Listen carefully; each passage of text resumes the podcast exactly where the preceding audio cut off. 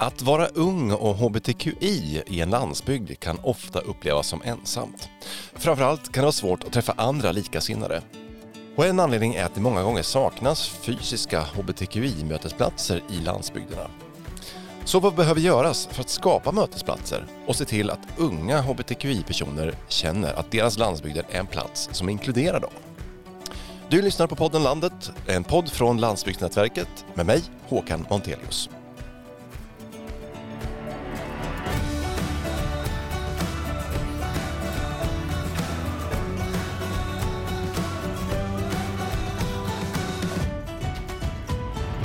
Ja, i mars 2021 så publicerade Myndigheten för ungdoms och civilsamhällesfrågor, MUCF, en rapport som visade att det endast finns arrangerade mötesplatser för unga hbtqi-personer i var sjunde kommun. Av de 66 mötesplatser som kartlades så fanns hälften dessutom i storstadsregioner. Och i landsbygdskommunerna så saknas det mötesplatser helt. Och det här ska vi diskutera mer i dagens avsnitt av podden Landet.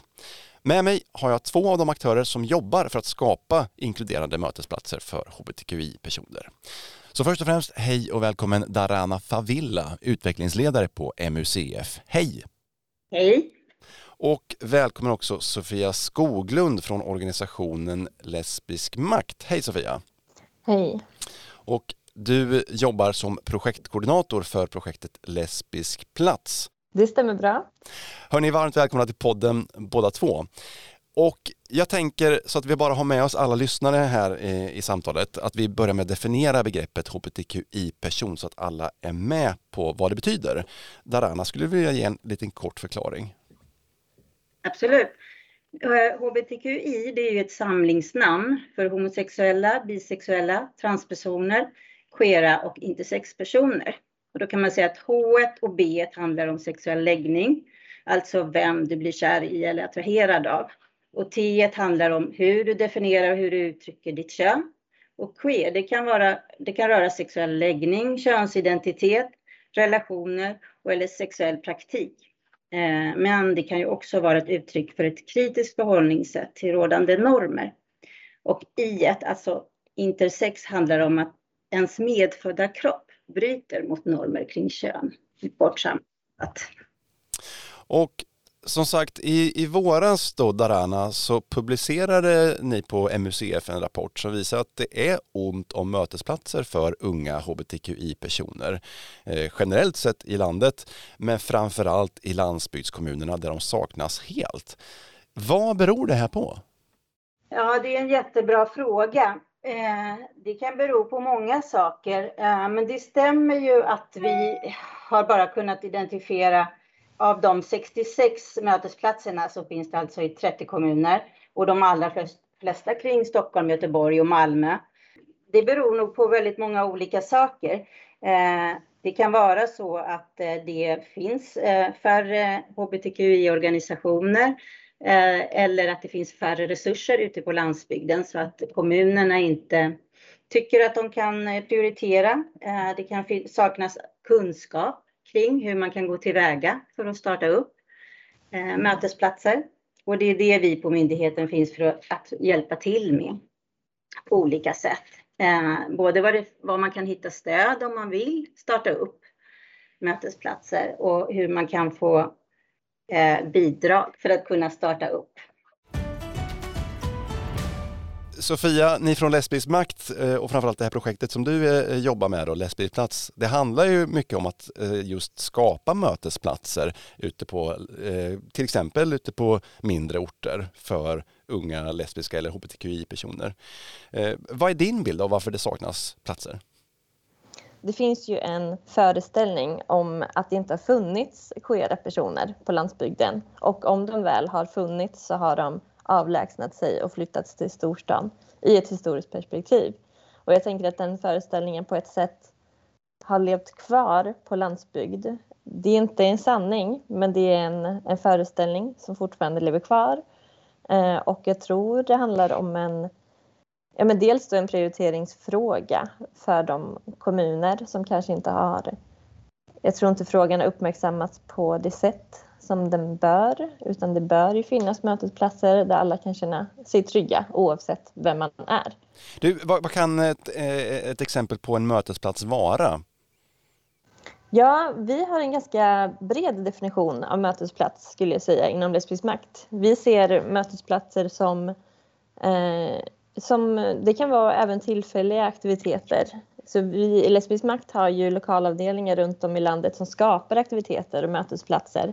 Och det kan vara allt från aktiviteterna kan vara allt ifrån vandringar, bokklubbar, eh, diskussionsforum, eh, picknickar, diverse samtalsgrupper.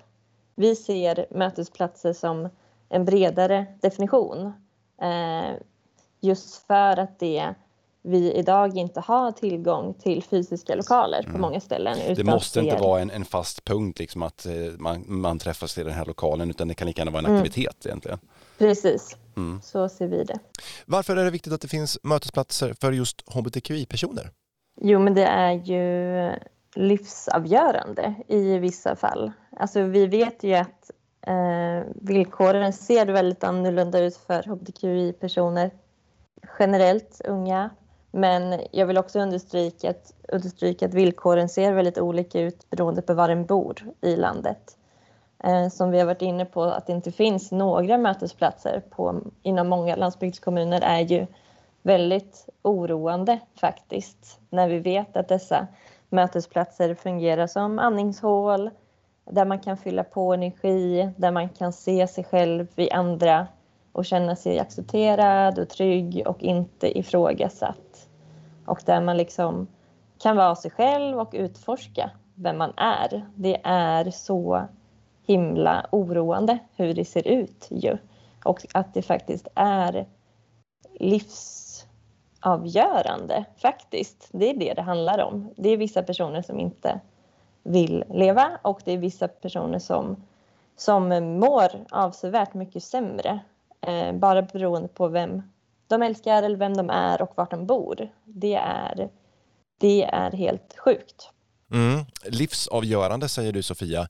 Darana, eh, vad säger du generellt sett? Hur är det att vara ung och hbtqi-person i Sverige idag? Ja, vi ju, har ju sett ett väldigt oroande mönster. Eh, det har ju framkommit stora skillnader eh, i hur unga hbtq-personer upplever sina livsvillkor jämfört med andra unga. Man känner liksom större otrygghet och utsätts för mer våld och har sämre ekonomi och sämre sociala skyddsnät än andra unga. Och det finns en utbredd psykisk ohälsa. Så att när det gäller trygghet så känner man sig mindre trygg både hemma, i skolan och på fritiden än vad andra unga gör. Eh, och eh, man känner i mindre utsträckning än andra unga att man kan tala med vuxna i sin omgivning. Eh, man visar också fler symptom på psykisk ohälsa. Men att det saknas eh, mötesplatser för hbtqi-personer i landsbygder, är inte det en, en, generell konsekvens av att det är färre personer som bor där och att det, det kanske generellt sett saknas mötesplatser för unga i många kommuner? Att det, det är en del av en en större problematik?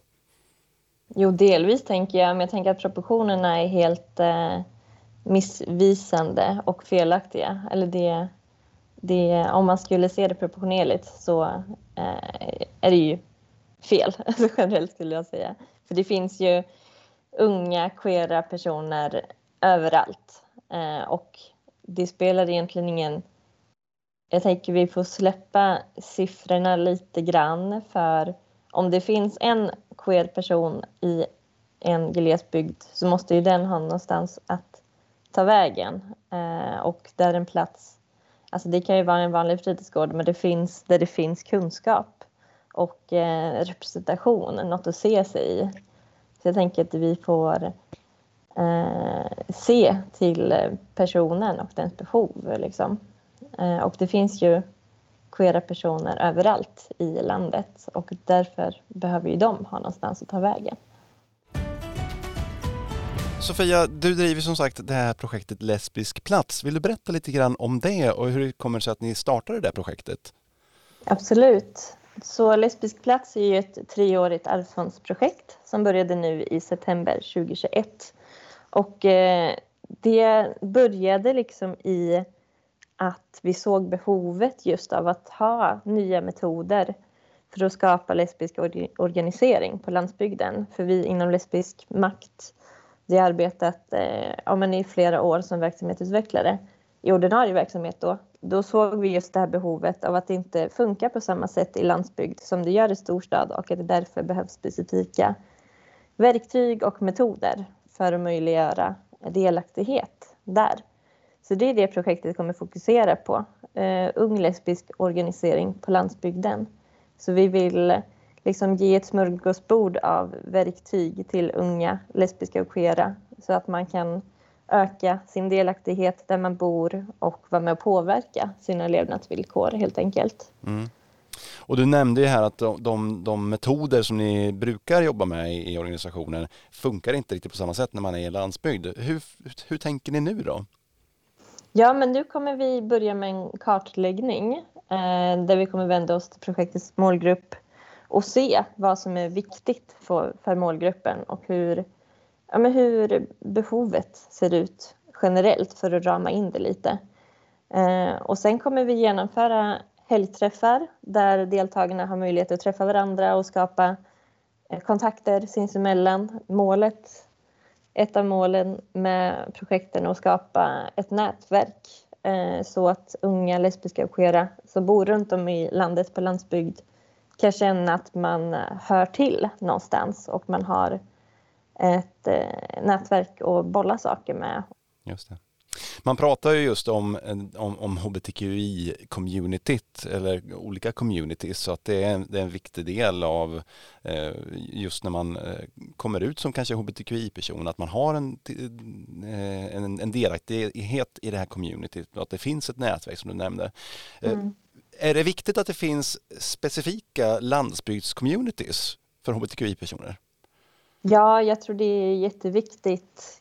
Dels är det jätteviktigt att ha ett generellt community skulle jag säga, där man kan spegla sig i, i eh, reflektionen av hur man, vem man är och vem man älskar och hur man uttrycker sig och så vidare.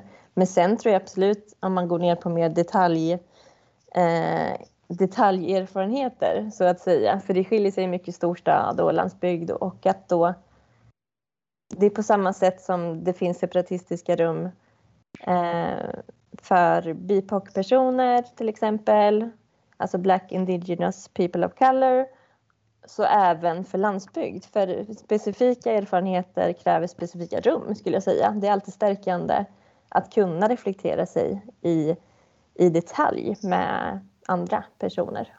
Mm. Behövs det fysiska mötesplatser verkligen? Går vi inte mer och mer mot ett digitaliserat samhälle och att det är de digitala mötesplatserna som är viktiga? Jo, jag skulle säga att båda behövs, både digitala och fysiska, och att de kompletterar varandra. För digitala forum har alltid varit viktiga för queera personer om man har bott långt bort ifrån varandra geografiskt. Men det är också jätteviktigt att ses eh, IRL, fysiskt. För jag, det, alltså själva relationsbyggandet går ju så mycket fortare där och tilltron eh, och så. Men så jag skulle säga, jag tycker att de kompletterar varandra och att vi behöver båda.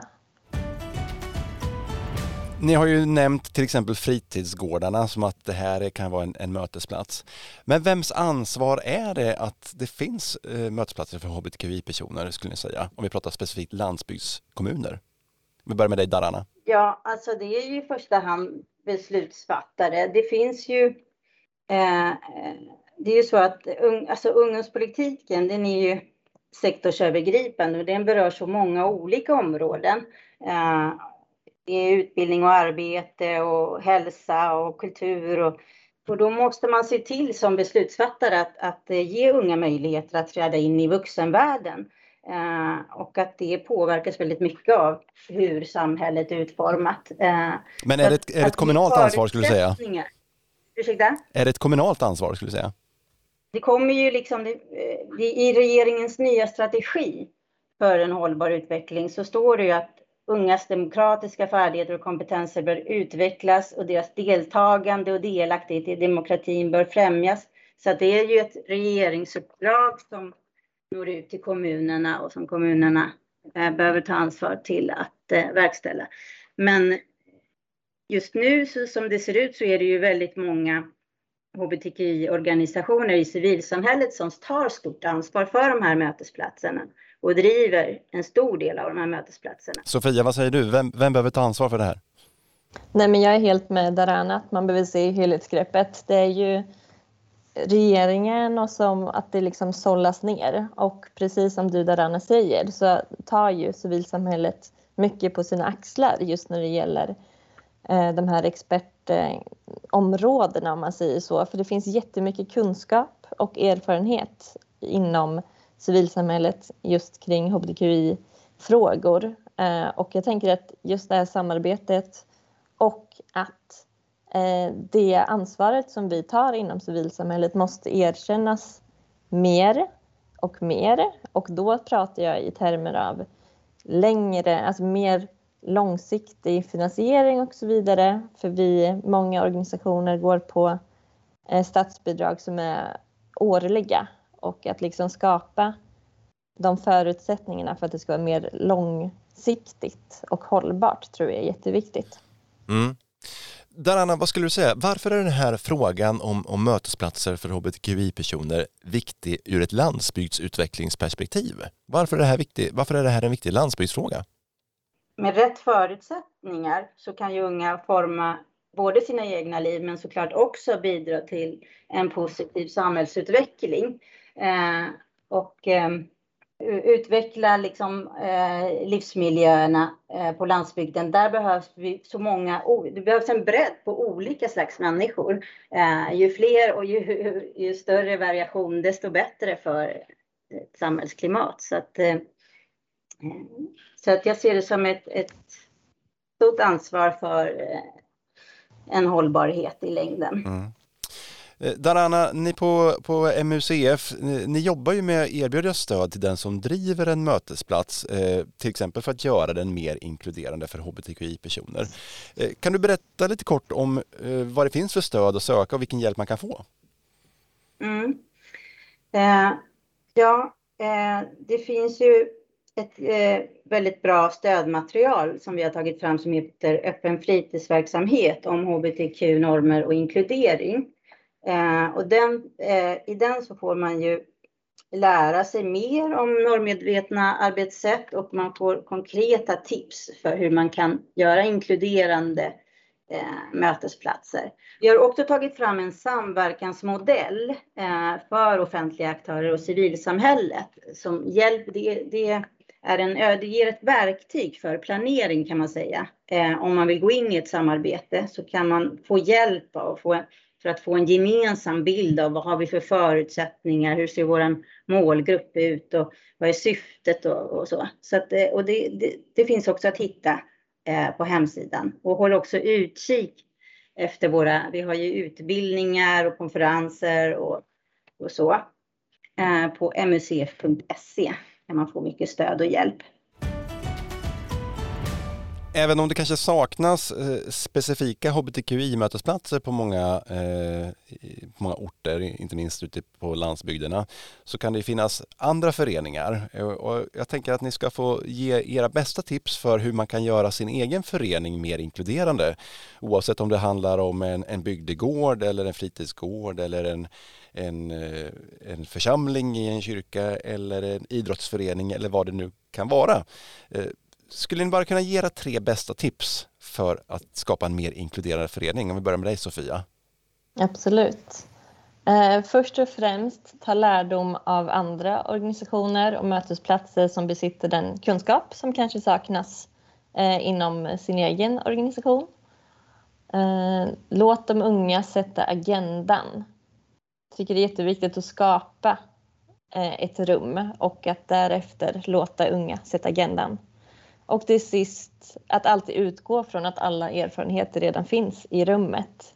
Och med det menar jag att vi inte kan utgå från att alla ingår i normen utan att vi, när vi är i ett rum, att där ska vi utgå från att eh, alla erfarenheter finns då.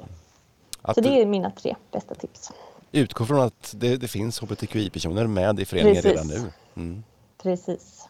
Och Darana, vad säger du? Vad är dina bästa tips? Ja, men då skulle jag säga att skapa tydliga strukturer, eh, alltså gärna planerade aktiviteter. Kanske inte hela tiden, men eh, det, det är någonting som framkommer att eh, det känns otryggt när man inte riktigt vet vad som ska ske. Så att lite planerade aktiviteter och varierande. Och sedan det andra jag skulle säga det är att försöka att utan att förringa det faktum att många hbtq-personer kanske mår dåligt och bär på svåra saker, så ändå försöka att eh, fokusera på det friska i deltagarna. Eh, och eh, det bidrar i sig till en positiv mötesplats, att man kanske tar lite svåra samtal vid sidan av eller hänvisa, om det är allvarligt, kanske hänvisa till rätt instans om det är för stort att bära eller du saknar kunskapen. Och sen det sista är väl att tänka också på att säkerheten, och det kanske är allra, inte minst ute i landsbygden, att det inte alltid är så att eh, man kan visa helt öppet var den här platsen finns, utan det kan, man behöver skydda mötesplatsen och deltagarna. Och det kan vara så enkelt som att du behöver möta upp vid en busshållplats eh, eller på något andra sätt skydda så att man tänker på säkerheten kring de här mötesplatserna. Och det får bli sista ordet i dagens avsnitt. Stort tack Darana Favilla från MUCF och stort tack Sofia Skoglund från organisationen Lesbisk makt för att ni var med i podden Landet. Och lycka till med ert fortsatta arbete. Stort tack. Tack. Det här är en podd som produceras av Landsbygdsnätverket. Redaktör, det är Ingrid Whitelock och jag som heter Håkan Onterius säger tack och på återhörande.